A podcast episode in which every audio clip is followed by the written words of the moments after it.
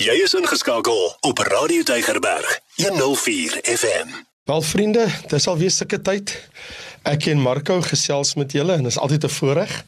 Ja man, kom ek vir jou sê, wat is mooier as om in hierdie dae voor die wederkoms van Jesus die Bybel te vat en die profeseë te ondersoek en te kyk na die skrifte. Laat my dink aan daai teks Marco wat sê dat die mense van Berea was edelmoediger en hulle het die skrifte ondersoek om te kyk of al hierdie dinge so was. So ek en hy wil 'n bietjie met jou gesels en hy het nogal vir my gesê, "Jong, ek dink ons moet vir 'n slag praat oor Jesus se koms, sy eerste koms, daar in Sagaria hoofstuk 9. Is dit is dit waar?"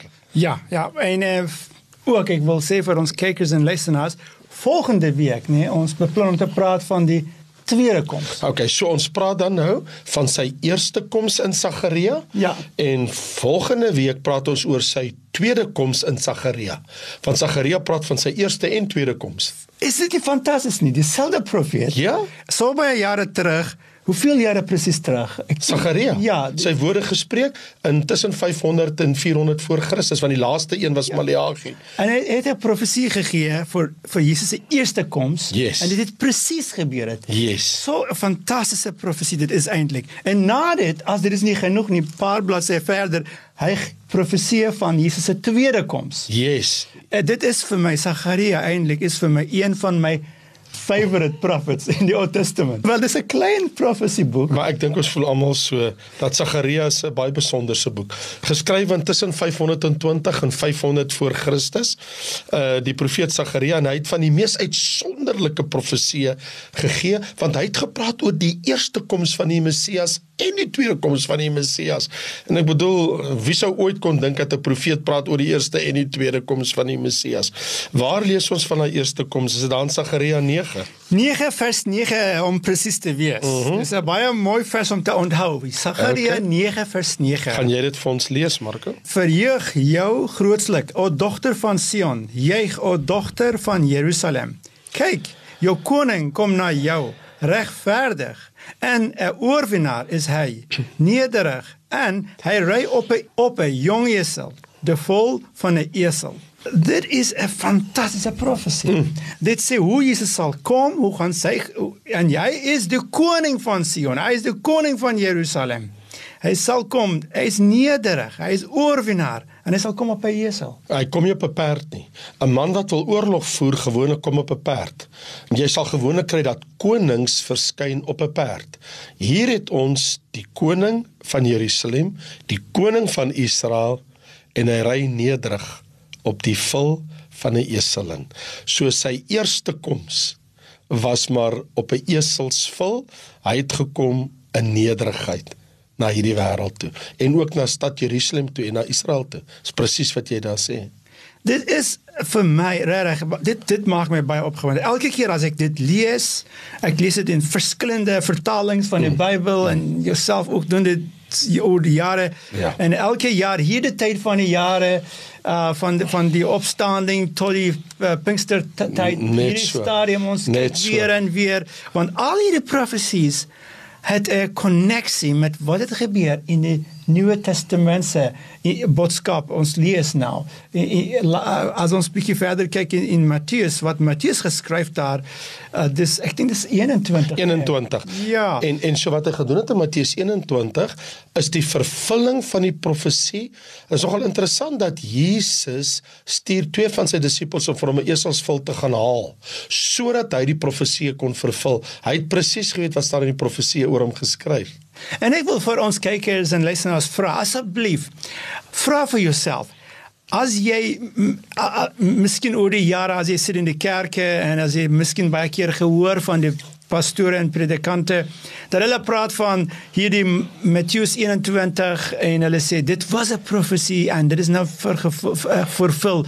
Het jy gewonder het jy ooit gekyk waar was daardie profesie gewees het? Mm. Waar in die Ou Testament nou ons vandag hier dit is in Sagaria 9 vers 9 dit was die profesie gewees en so 520 jaar later is Christus Jesus gebore en 30 jaar later so ons kan eintlik sê 550 jaar voor Na die profesie Ja ja ja.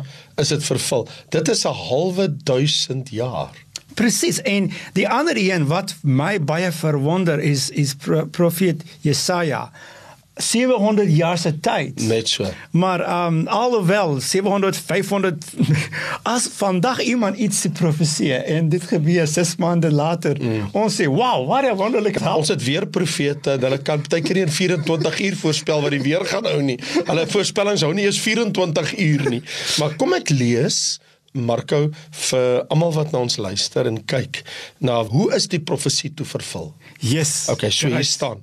En toe hulle naby Jerusalem gekom het by Betfage aan die Olyfberg, stuur Jesus twee disippels uit en sê vir hulle: "Gaan na daardie dorp reg voor julle en dadelik sal julle 'n eselin vind wat vasgemaak is en 'n vul by haar het. Maak haar los en bring hulle vir my.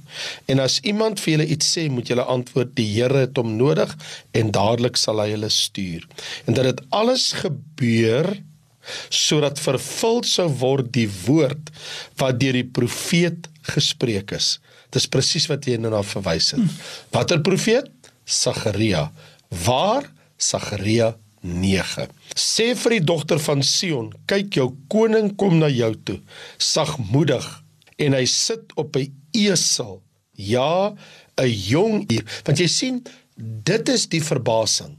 Want as jy gaan na as ek vir oomblik mag net iets sê Marco, as jy gaan 'n plek toe en ek wil jy ken dit mm. baie goed, Openbaring 19 vers 11 en ek het die hemele geopen gesien en hy wat daarop sit, uh verskyn op sy wit perd. Dan sy hy- oë soos vuur vlam en hy kom as die koning van die konings en die Here van die Here. Dis wat staan in Openbaring 19. Maar hierdie keer by sy eerste koms, by sy eerste koms sagmoedig nederig. Hy kom op, Op 'n 'n esel. ja. Hy kom nie om te fight nie. Hy kom nie om te veg nie. Want die feit dat hy nie op 'n perd kom nie, Ja. beteken Jesus is nie op die oorlogspad nie. En en uh, help ons om te bietjie beter verstaan wat sê die die laaste woord hierdie.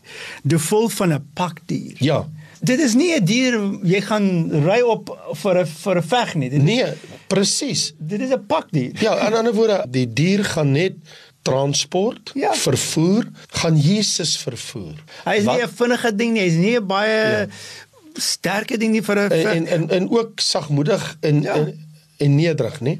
En die disippels het gegaan en gedoen soos Jesus hulle beveel het. Hulle die esel en die vul gebring. So gaan interessant dat die twee diertjies saamkom. En hulle klere daarop gelê en hulle daarop gaan sit. En nou wat ons hier sien is nie wat in al die profesieë sta- opgeskrywe staan nie. Hierdie is 'n wonderlike vervulling. En die grootste deel van die skare het hulle klere op die pad oopgegooi. Hulle het die takke van die bome afgekap en op die pad gestrooi. En die skare wat voorgeloop het en die wat gevolg het. Daar's 'n groep mense wat voor die esel is met Jesus op sy rug en daar's mense wat agter hulle is en sy disippels is daar. Ja, hulle het uitgeroep: Hosanna! Vir die seun van Dawid. Geseënd is hy wat kom in die naam van die Here. Hosanna in die hoogste hemel. En toe in Jerusalem inkom, het die hele stad in opskudding geraak. Sê wie is hierdie man? Hulle sê Jesus die profeet van Nasaret in Galilea.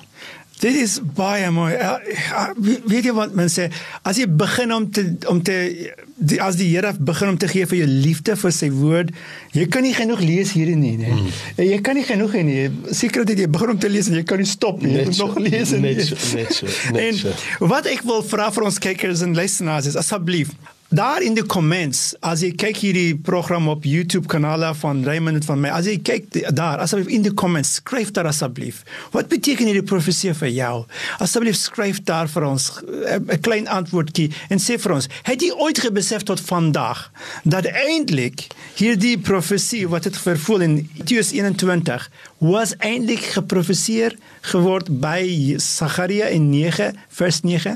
Asseblief skryf daar 'n klein antwoordjie. Dit sal uh, ek, ek ek is belangstel om dit te lees. Ek wil hoor wat Te hoor wat sê mense. Ja, daar. wat wat het die Here gedoen in julle lewens in terme van hierdie stuk van die Bybel? Maar so dit sê ook iets vir ons oor Jesus se eerste koms. Sy eerste koms is nie een op die oorlogspad nie. Sy eerste koms is vrede.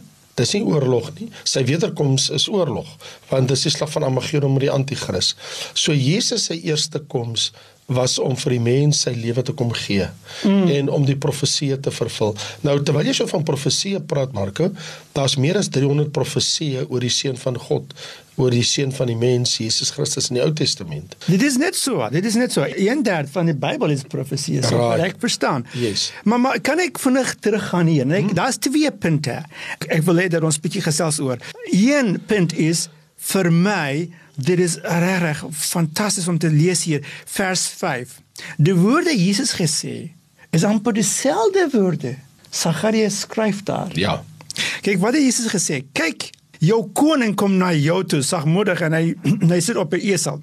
'n Jong esel, die vol van 'n pakdier. Nou, hy sê kyk jou koning kom na jou toe. As ek gaan nou terug daai Sagarius se profesie in uh, in vers 9. Hy sê vir jou grootslik o dogter van Sion. Jy o dogter van Jerusalem. Kyk, jou koning kom na jou. Regverdig en 'n oorwinnaar.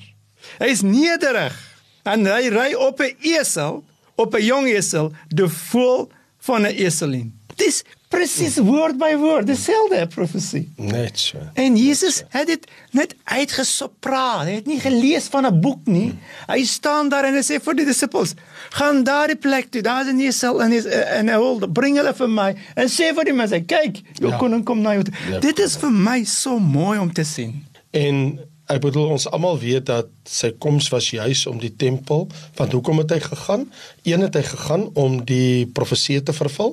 En nou dan sê julle miskien wonder maar hoekom maak ek en Markus so gewag van die profesie? Hoekom verwys ons so na Sagaria het gesê en Christus het dit vervul?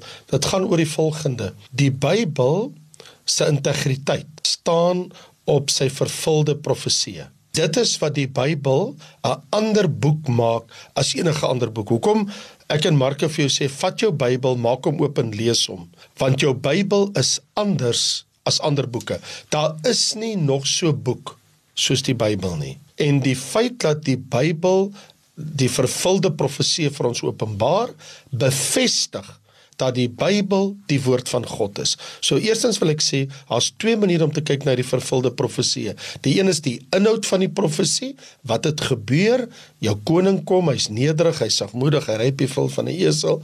Dis die een deel van die profesie. Die ander deel van die profesie is dit is die vervulling. Ons sien dis is geprofeteer honderde jare terug en hier word dit vervul in mense se dag en datum voor hulle oë. Dis die tweede ding. Maar later, jare later vir ons 2000 jaar, bykans 2000 jaar later, ons sit nou met die skrifte en ons lees dit. Vir ons is dit alles vervulde profesie. Vir hulle was dit in hulle dag. So ons kan terugkyk en ek en jy kan sê, "Wow, dis wat God gesê het." En daar het God dit so gedoen, presies soos God gesê het. Right to the point. En dis wat so mooi is wat Marko vir jou sê, woord vir woord, letter vir letter, baie kosbaar. Dit is. Kyk, um, ons mag nie simpel, maar ons moet slim mense wees in hierdie tyd. Ja. En 'n simpel man gaan lees dit en sê, "Ja, dit het niks om te doen met my nie. Ek gaan gaan aan met my lewe." Maar 'n slim man gaan lees hierdie en begin om te dink, "Jo, alles wat die Here God gesê het, ja. het gedoen presies dieselfde." Ja. Hy is betroubaar. Hy jok nie. Hy praat nie sommer nonsens nie. Alles wat hy sê, hy doen dit. Ja. En dit ook beteken as hy het gesê in Johannes 14, ek kom terug om julle om julle te haal, julle sodat julle kan saam met my wees. Dan ek kan verseker glo. Hierdie is die God wat het altyd gedoen wat hy het gesê het. En verseker, hy gaan kom ons haal. Ja, wat aangrypend is Marko is die konteks en verband van die tekste wat ons oor praat in hoofstuk 21. Die vorige hoofstuk is baie duidelik dat uh, Jesus sê ons gaan op na Jerusalem en die seun van die mens word oorgelewer aan die owerpriesters en die skrifgeleerdes. Hulle sal hom tot die dood veroordeel. Hulle sal hom oorlewer aan die heidene, hom bespot, hom gesel, hom kruisig en op die derde dag sal hy opstaan. So sy want ons het mos gesê ons praat nou vandag oor die eerste koms en as die Here wil volgende keer praat ons oor die tweede koms. So by die eerste koms het Jesus op die esel ingery, nie op 'n perd om oorlog te voer nie. Hy kom sagmoedig, hy kom nederig want hy weet hy's op pad na die kruis. Mm. Hy weet hy kom om sy lewe te gee vir die mense. En natuurlik, die Bybel sê op 'n stadium ook dat Jesus het geween oor Jerusalem, want hy het gesê ek kom na jou toe en jy het hierdie gunstige tyd toe God Dis in die einde van 23 jaar. Net so. Het jy nie opgemerk nie? En Jesus was baie hartseer. Hy sê ek het met 'n goeie boodskap na julle gekom, maar julle wil nie hoor nie. Julle is verblind. Ehm uh, dit is vir julle oë bedek. Uh, julle die gunstige tyd het julle nie gemerk nie want ek weet julle gaan my kruisig, julle gaan my bespot en julle gaan my oorgee aan die heidene. So ek dink dat ons dit net vir mekaar baie duidelik sê dat die Bybel het twee stelle profeseë oor Jesus Christus. Die een is die lydende Messias en die ander een is die oorwinnende Messias. Die een is die man van smarte en die ander ene is die man van oorwinning, die koning. En dit wat ek en Marco nou met julle oor praat vandag, ons vestig die aandag op die profeet Sagaria wanneer hy oor die eerste koms van die Messias praat as die lydende Messias, die nederige ene, die een wat op 'n esel kom en nie op 'n perd om te veg nie. Presies net so. En ehm um, nou die volgende ding ek wil eintlik sien dat ons bietjie gesels oor is dat as Jesus kom op daardie presies dag al hierdie mense rond voor hom en agter hom hulle skree Hosanna Yes. vir die seun van Dawid. Geseën is hy wat kom in die naam van die Here. Hosanna in die hoogste hemele. Hierdie is eintlik 'n baie spesifieke frase in ja. in Hebreëus. Ja. Dit is uh, Baruch haba bashem Adonai. Mm. Dit is 'n baie spesifieke frase en die Jode en ook die die die die die kenners van die wet, Yes. kenners van van die skrifte. Hulle baie mooi verstaan het dat hierdie is 'n messiaanse frase. Heeltemal. En, en en hulle het Wat op die verstaan. Christus van toepassing is. Ja, en hulle het baie mooi hulle het baie mooi verstaan het dat jy kan nie dit vir ander mense sê nie. Ja. Hierdie is 'n frase dat jy moet net sê op die dag as die Messias kom Jerusalem toe. Right. En as die mense skree hierdie frase Baruch haba bashem Adonai in ons Bybel dit skryf Geseënd is hy wat kom in die naam van die Here. Ja, dis in Hebreëus Baruch haba bashem Adonai. As hulle hier is geskree het, almal in Jerusalem nou hoor, daar kom die Messias. Die Messias. Maar binne 7 dae se tyd, binne 1 week se tyd. Ja. Hulle draai teen hom en hulle hang hom op die kruisig. Eintlik nie 7 dae nie, eintlik minder as 7 dae. En hulle kruisig hom maar net voor dit Jesus voor voor die gekruisiging. Jesus het geweet wat gaan gebeur presies. Net soos hy het gesê in die einde van uh, Matteus 23 vers 37 tot 39. Jesus sê Jerusalem, Jerusalem, jy wat die profete doodmaak en stenig die wat na jou toe gestuur is. Hoe dikwels wou ek jou kinders bymekaar maak, net soos 'n hen haar kuikens onder die vlerke bymekaar maak. En julle wou nie. Kyk, julle huis word vir julle verwoes gelaat. Want ek sê vir julle, julle sal my van na af sekerlik nie sien nie totdat julle sal sê: Geseënd is hy wat kom In die naam in die van die naam van die Here. Eintlik wat Jesus gesê hier is, alright, julle draai teen my nou en julle sal nie my weer sien nie. Tot die dag julle sê, julle Jode sê, Baruch haba bashem Adonai. So wat aangrypend is, dat nog iets gebeur tussen die twee insidente. En dit is die een in hoofstuk 21 toe Jesus nou van die esel in afklim. Toe stap hy in die tempel in. En toe hy in die tempel instap, toe begin die kinders roep wat die mense in die strate geroep het. En die kinders roep: "Hosanna vir die seun van Dawid." Maar daar staan, nou sit nie net die groot mense nie.